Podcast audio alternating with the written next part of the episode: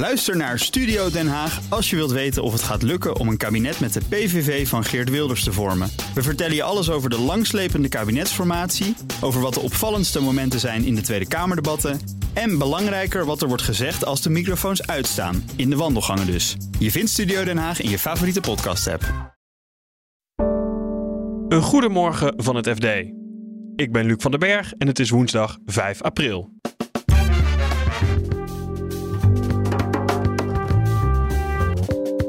Schiphol wil af van privéjets, want er zijn genoeg alternatieven. Of in het geval van bijvoorbeeld Brussel en Parijs en Londen, zegt Topman zondag, kunnen ja, passagiers even goed met de trein gaan. Banken zien dat klanten hun geld weghalen, maar dat is nog geen reden om de rente te verhogen. Ze zijn niet aan het vechten om liquiditeit. Dat ze tegen elkaar gaan concurreren met hogere spaarrentes om dat geld binnen te krijgen. Er is gewoon heel veel geld. En het toezicht op de advocatuur moet veranderen, maar op welke manier is nog niet duidelijk. Het enige waar iedereen het over eens is dat het een goed idee zou zijn als er een landelijke centrale toezichthouder op de advocatuur komt. Uh, verder is, uh, is er eigenlijk weinig eensgezindheid. Dit is de dagkoers van het FD. Wie met een privéjet naar zijn vakantie of zakenbestemming wil vliegen, kan vanaf 2025 niet meer op Schiphol terecht. Topman Ruud Zondag wilde 17.000 vluchten per jaar terugbrengen naar nul. Industrieredacteur Albert Wagenaar legt uit waarom de luchthaven geen plek meer heeft voor de privévliegtuigen.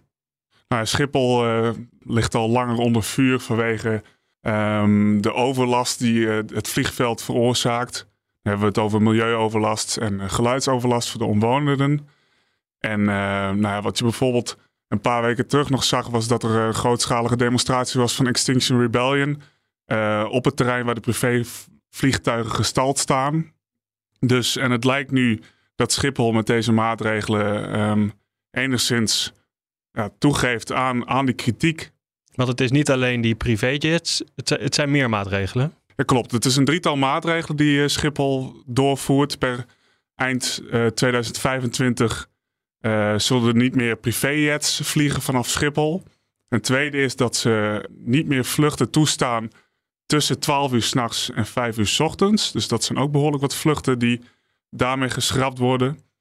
En een derde is dat ze de opening van de tweede kaagbaan ook niet uh, door laten gaan. Ja, jullie hebben ook de bedrijven gesproken die die privéjets verhuren. Wat, is, wat was hun reactie? Ja, we hebben inderdaad contact gehad met een aantal van die bedrijven uh, die privéjets verhuren. Ook met een aantal mensen die zelf een privéjet hebben. Uh, ja, toch wel een zekere verborgenheid over de beslissing van Schiphol. Ik, sprak met de branchevereniging EBAA, die over private zakelijke vluchten gaat. En um, zij waren vooral verbaasd over de maatregelen. Ze zagen het ook niet aankomen en ze vonden dat er te weinig overleg is geweest vanuit Schiphol met de privévliegers. Een tweede is dat, dat Nederland met het schrappen van die privévluchten toch wel ja, tornt aan de eigenlijke vestigingspositie van Nederland. Zakelijke vluchten kunnen minder makkelijk naar Nederland toekomen. En dat, ja, dat heeft gevolgen volgens die uh, branchevereniging. Wat kunnen zij dan nu doen? Kunnen zij bijvoorbeeld uitwijken naar straks misschien wel Lelystad Airport of uh, naar Rotterdam of naar Eindhoven? Dat is nog niet helemaal duidelijk. In principe gelden de maatregelen die nu zijn afgekondigd voor Schiphol in Amsterdam. Er vallen meer luchthavens onder Schiphol, Lelystad, Eindhoven. Het is niet helemaal duidelijk of die ook nu mee worden genomen in de maatregelen. Schiphol zei een uh, schriftelijke reactie dat het in eerste instantie vooral om, om, om Schiphol zelf gaat. Dus ja, wat kunnen zij qua uitwijkmogelijkheden? Dan kun je kijken naar Düsseldorf of uh, Brussel bijvoorbeeld. Maar uh, Schiphol zelf zegt dat, dat in principe de meeste zakelijke vluchten gewoon over kunnen stappen op reguliere, reguliere vluchtlijnen. Uh, of in het geval van bijvoorbeeld Brussel en Parijs en Londen, zegt uh, Topman zondag, kunnen ja, passagiers even goed met de trein gaan. Want uh, je hebt de Eurostar die naar Londen gaat en de Thalys die naar Brussel en Parijs gaat. Dus er zijn volgens Schiphol genoeg mogelijkheden om van A naar B te komen. Klanten van Europese banken hebben in een zoektocht naar zekerheid en rendement veel geld van hun rekeningen afgehaald. Vorige maand zelfs het grootste bedrag ooit.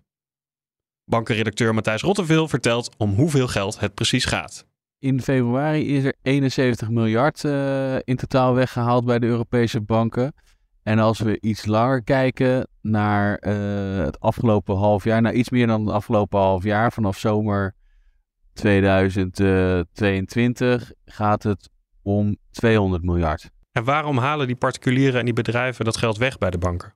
Analisten denken dat het uh, in uh, afgelopen winter te maken had bij de hoge, met de hoge energierekeningen. Dus uh, veel mensen die moesten echt gewoon wel geld van de bank halen om die te kunnen betalen. En daarna hebben we natuurlijk een paar vervelende dingen gehad in bankenland. dus de Silicon Valley Bank en in de Verenigde Staten en Credit Suisse in Europa die omvielen. En dat doet mensen toch wel even realiseren dat er risico's verbonden zijn aan het geld stallen bij een bank. Dus dan gaan ze even goed kijken naar, oké, mijn geld stond hier altijd. Na de crisis van 2008 dacht ik dat het veilig stond.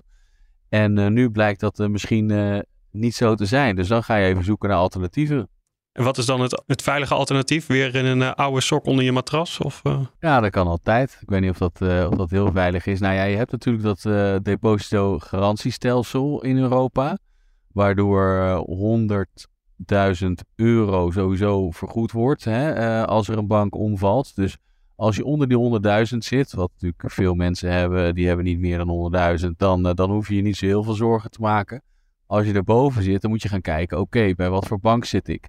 Uh, is het een veilige bank? Nou ja, als je gaat twijfelen, kun je misschien denken aan ik, ik koop er iets anders voor. Nou, wat mensen doen is dus uh, bijvoorbeeld obligaties kopen. Dus dat, dat, dat levert een beetje rendement op. En je weet in ieder geval, er zit geen bank achter.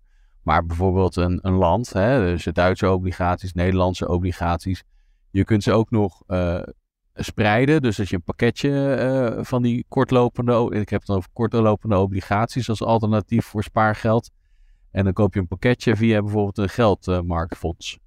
Die banken die zien dus hun, hun klanten eh, weggaan, of die zien in ieder geval wat geld daar weggehaald worden. Waarom doen ze niet meer om die klanten te behouden?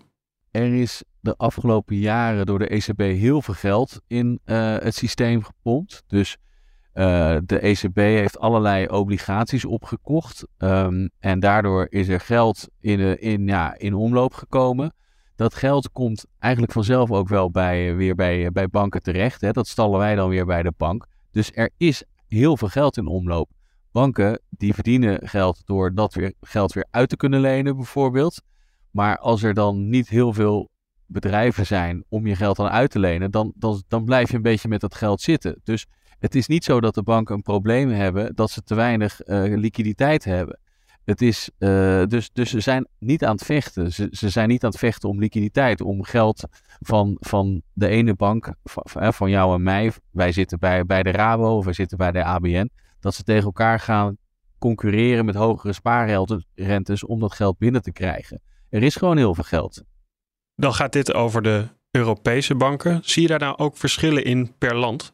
Ja, je ziet wel verschillen per land. Je ziet vooral in de zuidelijke landen bijvoorbeeld dat er veel uh, geld wordt opgenomen. Dus uh, vooral daar uh, speelt dit nou, probleem voor de banken dan, dat, dat er geld wegstroomt.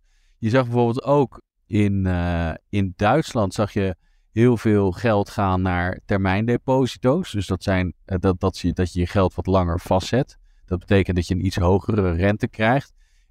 Ik heb nog uh, bij de, we hebben bij, die Europa, bij de Nederlandse banken nagevraagd. Die zagen zelf niet zoveel uh, kapitaal uitstroom of geld uitstroom. Dus ja, het, het, verschilt wel een beetje per land uh, in Europa inderdaad. En van een echte bankrun is nog geen sprake? Nee, van een bankrun is nog geen sprake. Nee, zeker niet. Nee, nee, nee. Maar het is wel zo dat banken heel langzaam zijn met het verhogen van die rente omdat er zoveel liquiditeit uh, in uh, omloop is. Ja, als dat nu wat minder wordt met, met, met die hoge rentes en als de ECB niet, niet blijft stimuleren hè, om de inflatie een beetje tegen te gaan, bouwen ze die, die opkoopprogramma's af. Ja, dan zou je toch gaan hopen dat die, dat die banken wat, wat meer achter de marktrente aanlopen. Dus dat ze, dat ze ons ook wat, onze klanten wat meer rente gaan bieden op, op spaarrekeningen. Minister voor Rechtsbescherming Frank Weerwind worstelt met het toezicht op de advocatuur. En nu heeft hij drie wijzen gevraagd om hem daarmee te helpen. Je hoort Zuidas-redacteur Edwin van der Schoot. Hij legt uit waarom de minister om hulp heeft gevraagd. Dit is een dossier dat loopt al jaren. Daar hebben de voorgangers van uh, Weerwind ook al uh, mee te maken gehad. En de, deze minister heeft in oktober een voorstel gedaan in de Tweede Kamer. Of waar, waarbij hij heeft uitgelegd, zo wil ik het gaan doen. Maar een aantal Kamerfracties, waaronder zijn eigen D66, vonden toch dat hij zijn huiswerk nog maar eens een keer moest gaan doen. Ze zeiden, nou, dit, dit rammelt allemaal wat te veel. Er waren vragen over, is die instantie zo voldoende onafhankelijk van de staat, maar vooral ook van de advocatuur zelf. En er waren nog wel wat meer uh, losse eindjes. Nu heeft hij dus drie wijzen gevraagd om hem te helpen. Wie zijn dat? En we weten niet uh, precies wie het zijn, behalve dat er drie hoogleraren zijn. En te zijn tijd uh, wordt wel bekendgemaakt wie dat zijn. Maar die moeten nu in alle rust hun werk kunnen doen. Zodat de minister eind april of half april um, alsnog met een nieuwe brief naar de Tweede Kamer kan.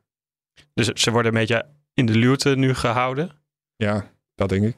wat, wat, wat moeten zij gaan doen? Hoe moeten zij Weerwind gaan helpen? Nou, er zijn een aantal hele belangrijke vragen. De ene is die. Het enige waar iedereen het wel over eens is dat het een goed idee zou zijn als er een landelijke centrale toezichthouder op de advocatuur komt. Uh, verder is, uh, is er eigenlijk weinig eensgezindheid. Um, en de minister moet daar knopen over gaan doorhakken. Een vraag is bijvoorbeeld: moet die toezichthouder, moet die net zoals de AFM en de DNB in de vorm van een ZBO worden vormgegeven? Of moet hij uh, uh, gewoon binnen de beroepsorganisatie van de Nederlandse Orde voor Advocaten uh, een plekje krijgen? En zo ja, als dat dan gebeurt, komt het dan op voldoende afstand te staan? En hoe zorg je er dan voor dat het op voldoende afstand komt te staan van de rest van de advocatuur waar, waar dus toezicht op gehouden moet worden?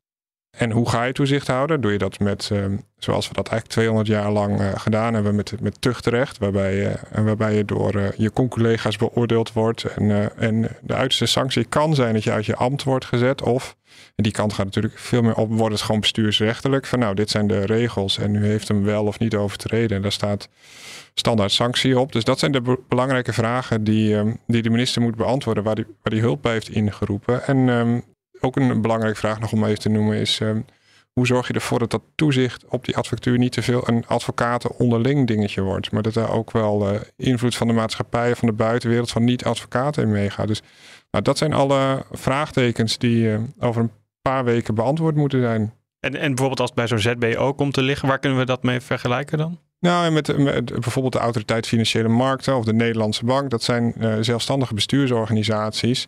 Het probleem wat advocaten daarmee hebben, is zeggen, ja, dat is uiteindelijk een vorm waarbij je via de achterdeur de Nederlandse overheid binnenlaat. En uh, 60% van onze zaken, zeggen ze, uh, gaan direct of indirect uiteindelijk tegen de overheid. En wij willen natuurlijk niet als advocaat in de als beroepsgroep in de, in de situatie komen dat de uh, overheid uh, niet alleen onze tegenpartij is, maar ook uh, via de achterdeur onze werkgever of onze toezichthouder, et cetera. Hoe wordt er vanuit het huidige college van toezicht dan naar gekeken, naar die plannen die nu allemaal op tafel liggen? Het pleidooi van het huidige college van toezicht, wat dus gaat verdwijnen en zal worden vervangen door een andere vorm van extern toezicht, of een andere vorm van, zoals de minister noemt, blik van buiten is je moet die, die mensen, die buitenstaanders, die moet je echt de bevoegdheden geven. Dus maak er een soort van raad van commissarissen van die nieuwe landelijke centrale toezichthouder van.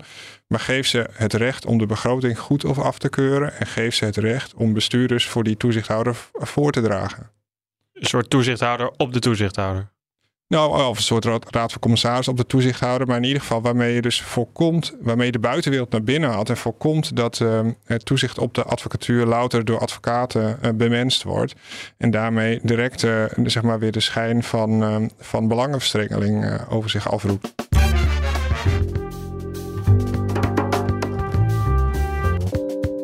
Dit was de dagkoers van het FD.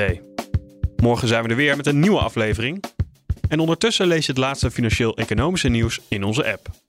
Voor nu nog een hele fijne dag en graag tot morgen.